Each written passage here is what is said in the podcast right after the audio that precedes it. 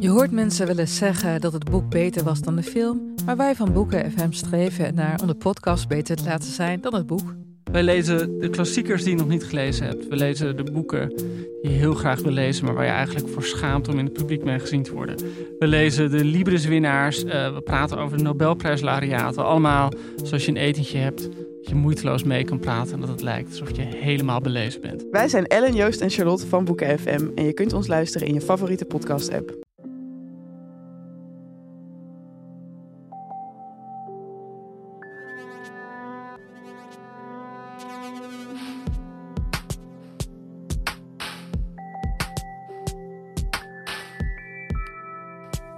Hey, ik ben Pieter van Relaas.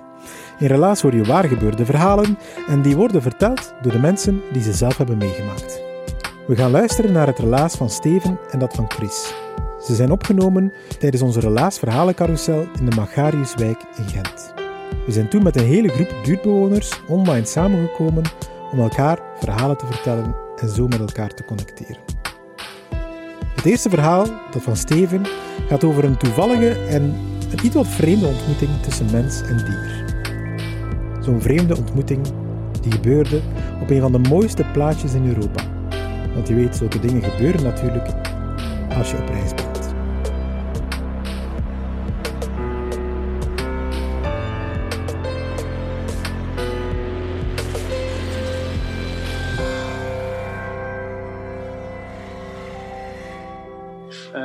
Ik woon sinds een uh, vier, vijftal jaar in uh, de Snoekstraat in de Magariuswijk.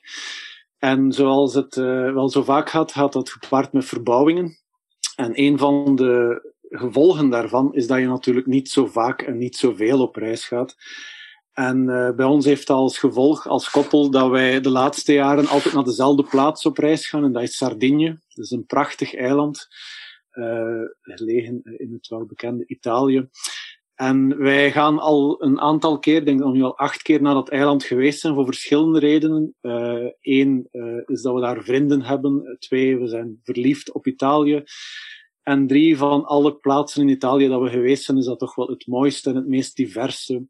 Zoals de legende zegt, toen de goden de wereld geschapen hebben, hadden ze van alle mooiste stukjes nog een klein brokje over. En dat hebben ze in de zee gegooid en daar was geboren Sardinië. Dus zoals elk jaar gaan we naar daar.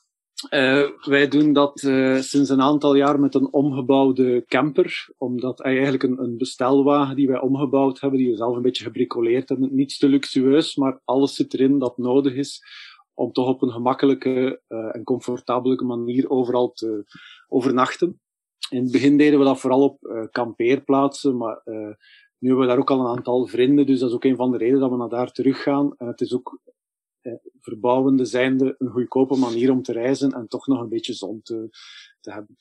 Dus het, uh, een aantal jaar terug gingen we opnieuw. Uh, eerst uh, bezoekje bij de vrienden daar overnacht. Hebben we een aantal uh, dagen op het strand gekampeerd. En een van de dingen dat we ook altijd trachten te doen, omdat het daar zo mooi is, is een aantal dagen echt off-grid gaan. In Sardinië kan je dat echt nog doen. Dus met onze omgebouwde kampeerwagen, trekken we de natuur in. We rijden rond een, uh, een zeer groot uh, stuwmeer. We merken al richting, toen we rond het meer aan het rijden zijn, dat we geen bereik meer hebben op ons telefoon. Dus we denken, perfect, we gaan echt off-grid gaan. We rijden nog uh, echt een, een zeer smal baantje in.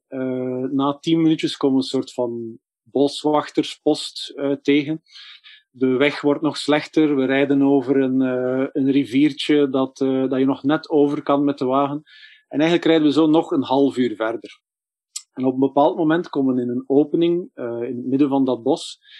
En het is een beetje raar, want we hebben al toch een half uur dat we eigenlijk niets of niemand gezien hebben. En daar staat een, een huis en nog een aantal gebouwen die er staan. Dus het huis is volledig dicht.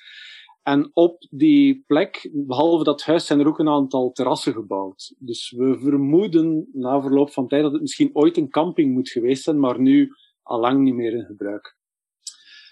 Ideale plek. Wij, wij zijn daar echt helemaal alleen. Ik denk op Hanse dag dat we daar zaten, dat er misschien twee, drie mensen passeerden. En als je off-grid wil gaan, is dat eigenlijk een beetje een droom.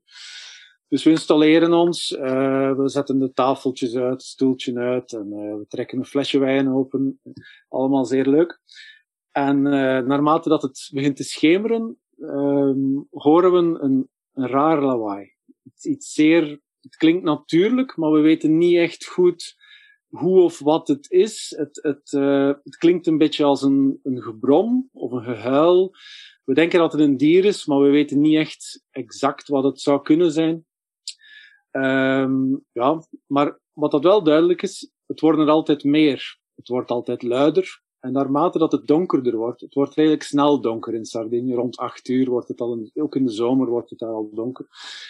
Um, komt het dichter, worden er meer en meer. Het is een soort van geroep. Het wordt, uh, er wordt geantwoord van de ene kant van het bos naar de andere kant van het bos. En uh, op een bepaald moment zien we ook een aantal figuren dichterbij komen. En wat bleek? Het zijn herten. Dus het was geen gebrom of geen gehuil, maar een hert dat uh, burrelt. Dus dat is de benaming van wat dat zij doen. En voor de mensen die dat nog nooit gehoord hebben, het is echt een uniek geluid. Het burrelen van een hert is uh, prachtig. Oké, uh, wij hebben dus duidelijk toch buren, ook al zitten we daar helemaal alleen.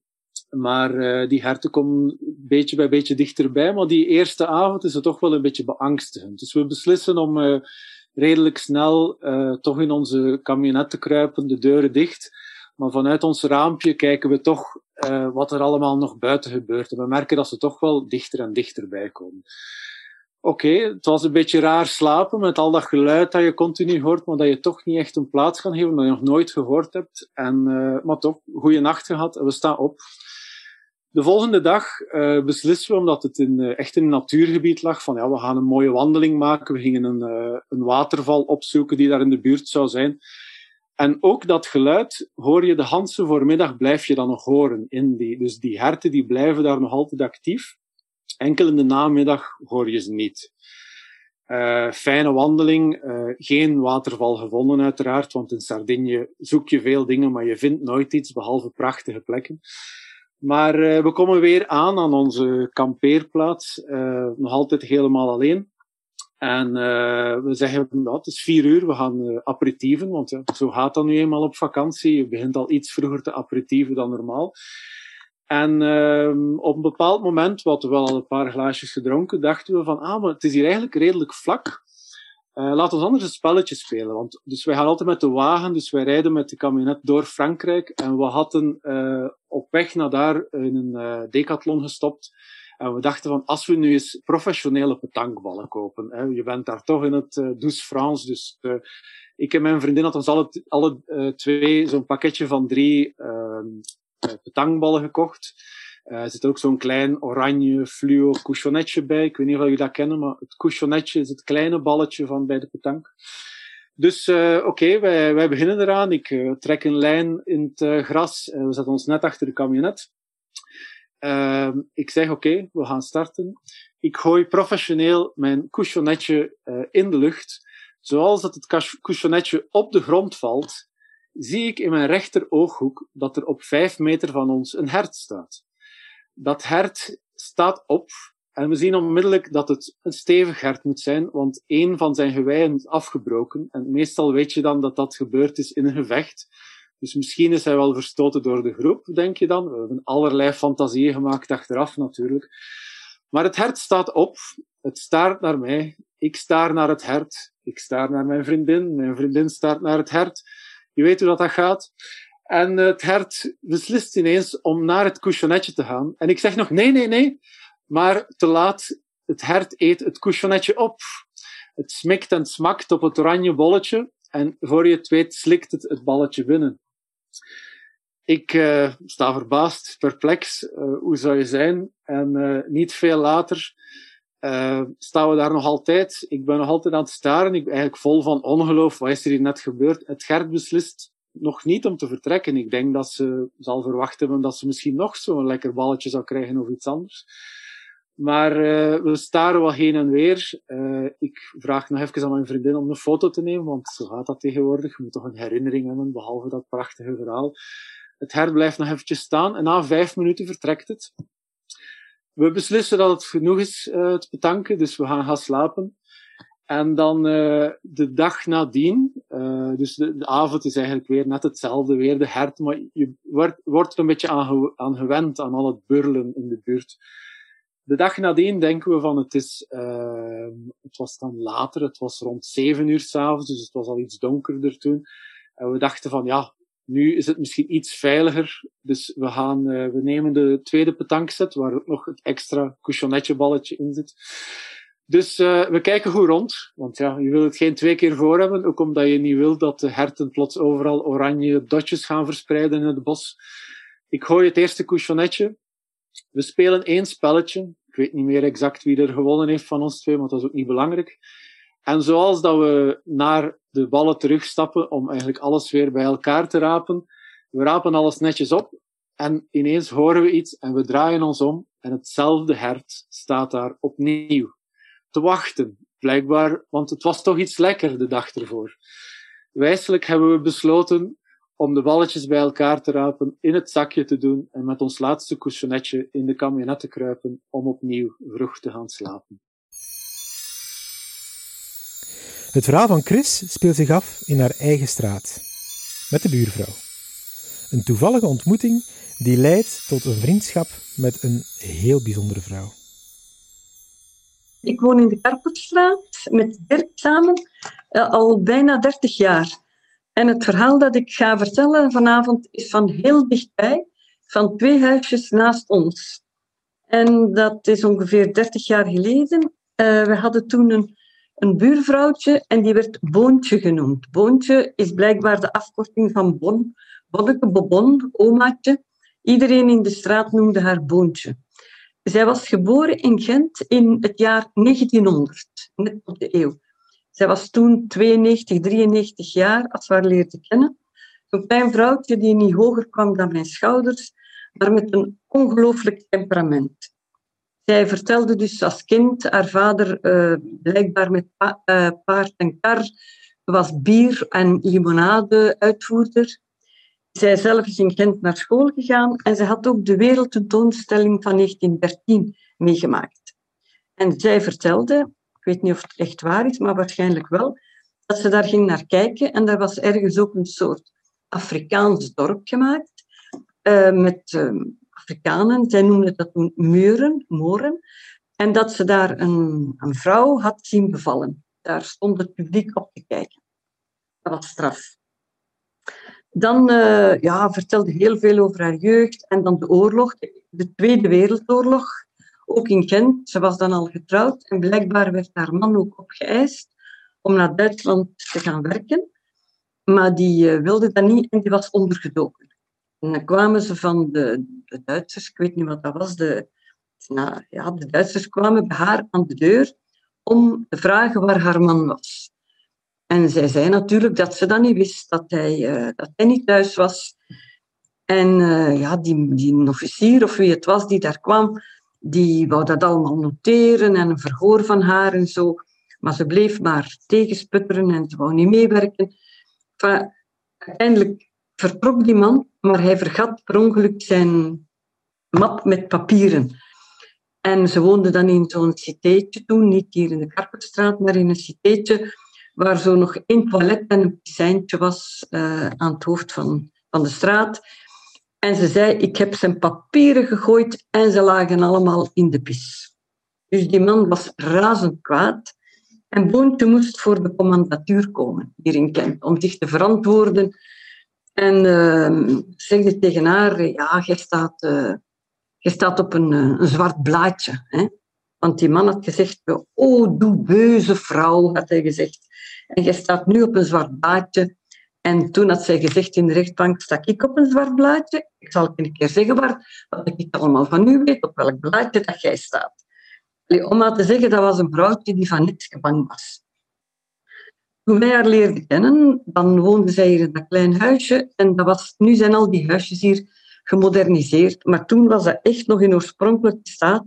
Met een grote kolenkachel uh, en een, een, lichtzetel onder het raam waar zij sliep.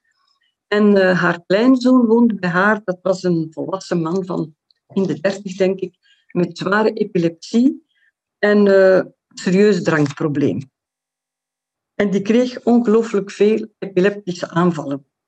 En als die dan viel, dat kon ook s'nachts zijn of toch zo'n vijf uur, dan lag die dwars in het kamertje, zodanig dat, dat de deur bijna niet meer open kon. En dat boontje kwam dan in paniek bij ons aan de deur bellen, uh, roepen op mijn man, Dirk, Dirk, je moet komen, want hij is gevallen. Dan moest mijn man allee, daar naar daar en die, die een gast oprapen. En uh, ja, uh, Boontje had een, een, boontje, Boontje had een boontje voor Dirk. En ze wou hem dan altijd zoenen, maar ze moest op haar tenen staan en hij moest zich bukken. En dan mikte ze natuurlijk altijd op zijn mond. En dan zei ze tegen mij, je vindt dat toch niet erg dat ik zeg onze Dirk? Hè? Ik zei, nee, natuurlijk niet. Uiteindelijk is die kleinzoon... Uh, ja, ik deed dan boodschappen voor haar om haar te helpen, maar dan zat geen tanden meer in haar mond, maar ze bestelde altijd chips en cola. Dus ik wist wel voor wie dat, dat was. En op een goede dag, ik denk dat ze dan al uh, 7, 98 was, is ze blijkbaar een keer zelf gevallen in haar huisje overdag. En ze moet daar lang gelegen hebben, want uh, haar kachel was uit. En ze was helemaal onderkoeld.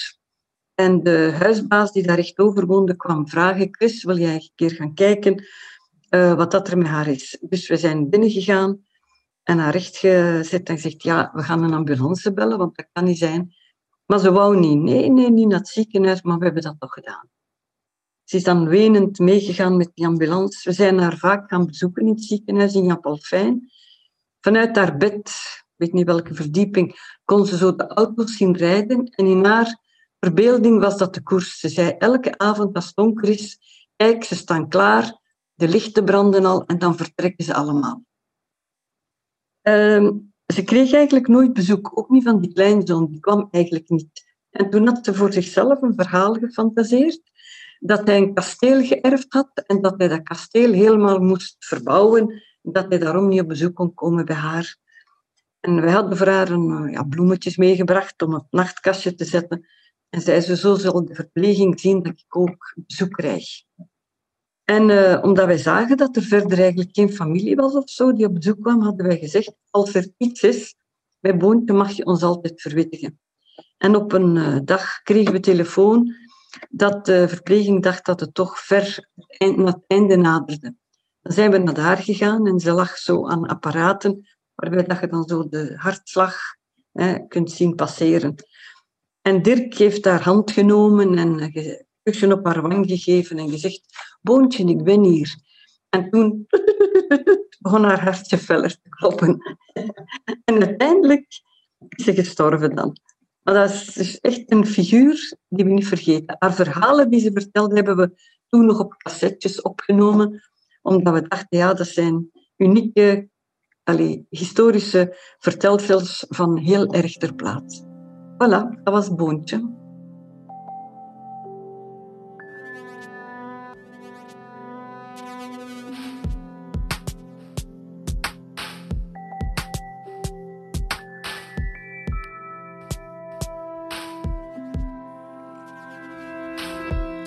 Dat was het relaas van Steven en dat van Chris. Ze hebben het verteld online op Zoom op onze vertelavond in de Magariuswijk in Gent. Daar vertelden we verhalen om met elkaar te connecteren.